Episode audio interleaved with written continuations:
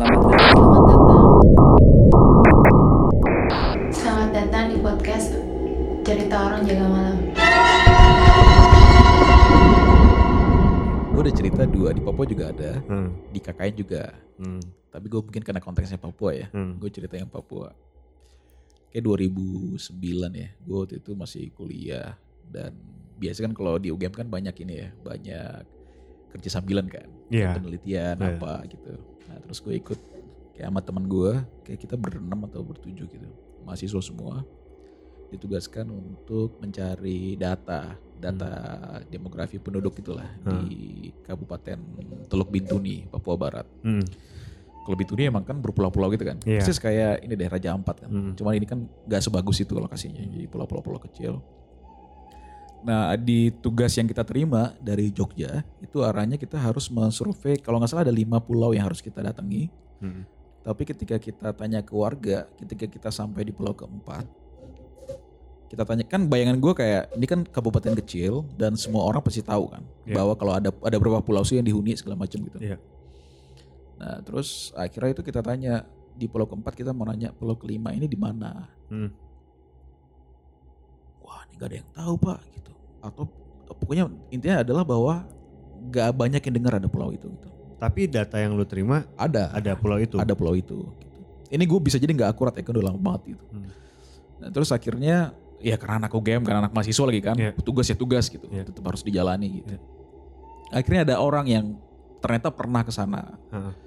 pulau itu, eh, ke gue kalau nggak salah namanya Pulau Anakasi, Anakasi kalau nggak salah.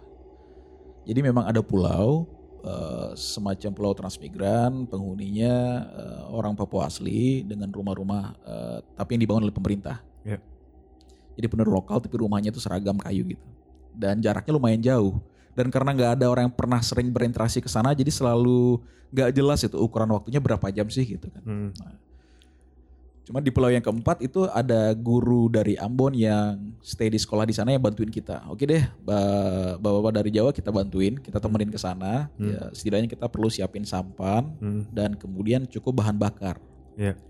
Dan kita harus segera balik. Kita nggak akan ada rencana nginep, harus segera balik ke pulau tempat kita base camp supaya ya kalau di sana kan kalau udah maghrib itu airnya turun deh. Iya. Air rawa-rawanya gitu. iya. airnya turun dan banyak buaya. Iya. Dan kalau udah turun, yang ada lumpur doang lo nggak bisa jalan itu perahunya gitu iya. kan. Nah akhirnya ternyata kita bawa perbekalan cukup, eh, bensin segala macam nyampe ke pulau. Ternyata fine fine aja pulaunya. Jadi Iya. ketemu orang, terus kita ambil datanya gitu kan. Tapi ternyata agak kelamaan. Hmm. Jadi yang seharusnya kita udah balik lagi ke tempat pertama itu jam-jam 3, Iya. kita baru keluar jam setengah limaan. Iya. Setengah limaan. Dan mungkin butuh waktu paling cepat mungkin tiga jam lah. Kalau airnya seperti tadi kita berangkat. Hmm. Nah di area Teluk Bintuni itu Pak banyak. Dan kita ketika baru sampai di pulau keempat itu dengar ada satu keluarga yang lagi berduka. Oh. Anaknya dimakan buaya. Waduh. Jadi anak usia SD gitu lah dimakan Iya, buaya. iya, iya. Which is bagi gue, gue lebih takut buayanya berarti kan. Nah, pas udah kita jalan balik, air mulai surut. Iya. Udah mulai dedekan nih. Iya. Eh, udah makin gelap, air mulai surut. Terus Pak Guru yang lokalnya udah mulai panik ini kan, aduh nih gimana nih, masih jauh nih, masih jauh nih gitu kan. Iya. Akhirnya mentok Pak, kita nggak bisa lewat. Itu udah di Jarak- tengah berarti. Di tengah tapi udah agak deket nih. Jadi sekitar eh, ibaratnya gua di Bundaran HI, lokasinya tuh di Bank Indonesia deh. Oh, lumayan dong. Terlihat, cuma kan itu lo Iya. lumpur kan kalau misalnya airnya kering kan berarti lumpur itu bisa sedalamnya se- satu Iya. setengah meteran. Betul, betul. Dan kita di perahu itu cuma satu.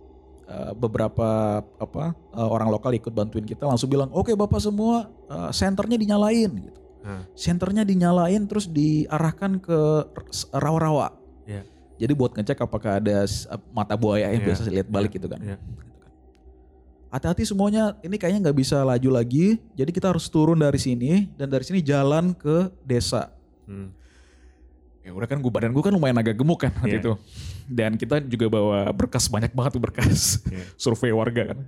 Yaudah akhirnya kita lepas celana segala macam masuk ke lumpur dan itu ya Allah Pak itu susah banget. Gue belum pernah secapek itu dalam hidup gue lewatin 10 meter doang gitu. Nah, Karena hampir lo kayak berjalan di lumpur, sementara badan setengah badan lo tuh di lumpur gitu. Iya. Dan lo nggak boleh nih berkas-berkas yang udah lo ambil itu basah kan. Jadi lo tetap megangnya sekuat tenaga. Sampai akhirnya gue ketinggalan di belakang. Masuk nggak ketinggalan yang jauh banget. Cuman kayak Iya. gue gue paling belakang lah. Iya. Sehingga dari Pak Guru segala macam, ayo Pak Ade, eh, Mas Mas, ayo Mas kita terus Mas jangan berhenti, jangan berhenti gitu. Iya. Ini nanti takutnya eh, apa ada buaya segala macam gitu kan. Iya. Nah, sekitar 10 orang dalam rombongan itu Pak, Iya. beberapa saat kemudian itu dengar kita semua melihat di sudut rawa itu anak ada anak kecil, Oh, anak Papua asli. Eh, kita kan semua tuh terendam di lumpur ya. Iya. Terendam tuh setengah badan. Terus kita lihat ada anak Papua ketawa-ketawa. eh, kakinya tuh nggak masuk lumpur sama sekali. tapi lu lihat dia tuh di atas. Di atas. di atas Dan lumpur semua itu. orang lihat. Semua orang di perahu itu lihat bahwa ada anak kecil ketawa-ketawa di pinggir rawa itu pak. Cuman yang gue yang gue heran adalah gue nggak takut Iya. karena bagi gue gue waktu itu udah sampai titik telemah di mana gue udah bilang tuh ke orang-orang tinggalin aja gue Hmm, bilang gue iya. nggak kuat lagi tinggalin aja Hmm, mau gue mati segera sil- silahkan lah gitu karena udah nggak ada tenaga lagi Iya.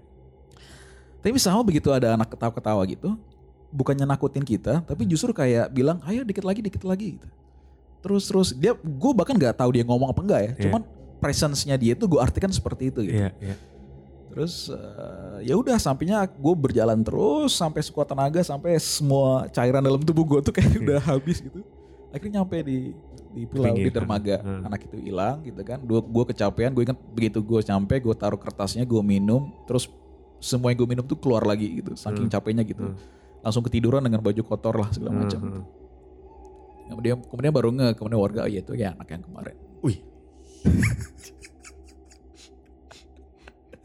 Tapi gue justru bersyukur. Maksud gue kayak apa? eh, ini anak nih baik juga gitu. Gak gak kemudian eh, justru dorong kita tetap ada di sana itu terus ayo terus terus. gue nggak tahu apakah reaksi yang sama juga dirasakan oleh teman-teman gue dan orang lokal yang ngeliat gitu. Yang nyenterin, Mbak. Iya. Bayangin kita semua ketika anak tuh hadir itu semua orang tuh ikut nyenterin gitu kan. Ada, Oh disenterin bahkan. Ada anak kecil gitu. Oh iya. Iya. Jadi satu perahu tuh semuanya ngelihat gitu kan. Dan karena memang kayak ada urusan jauh lebih penting yaitu hidup dan mati kita. Jadi semuanya take it ya udah ada anak kecil di di rawa-rawa jam jam mungkin udah jam 8 malam udah gelap banget gitu. Eh, Di mana tidak terendam sama sekali gitu kan. Iya, iya, iya. Itulah katanya anak yang kemarin dimakan buaya di situ. Gitu pengalaman. Ya, ini pengalaman kita lah ya. Gitu ya. Iya. Episode kali ini lumayan panjang. Siap. Eh, nanti kita pikirin judulnya menarik apa. Sampai jumpa. Tetap respect pada yang terlihat maupun tidak terlihat. Hati-hati pulang ke rumah masing-masing.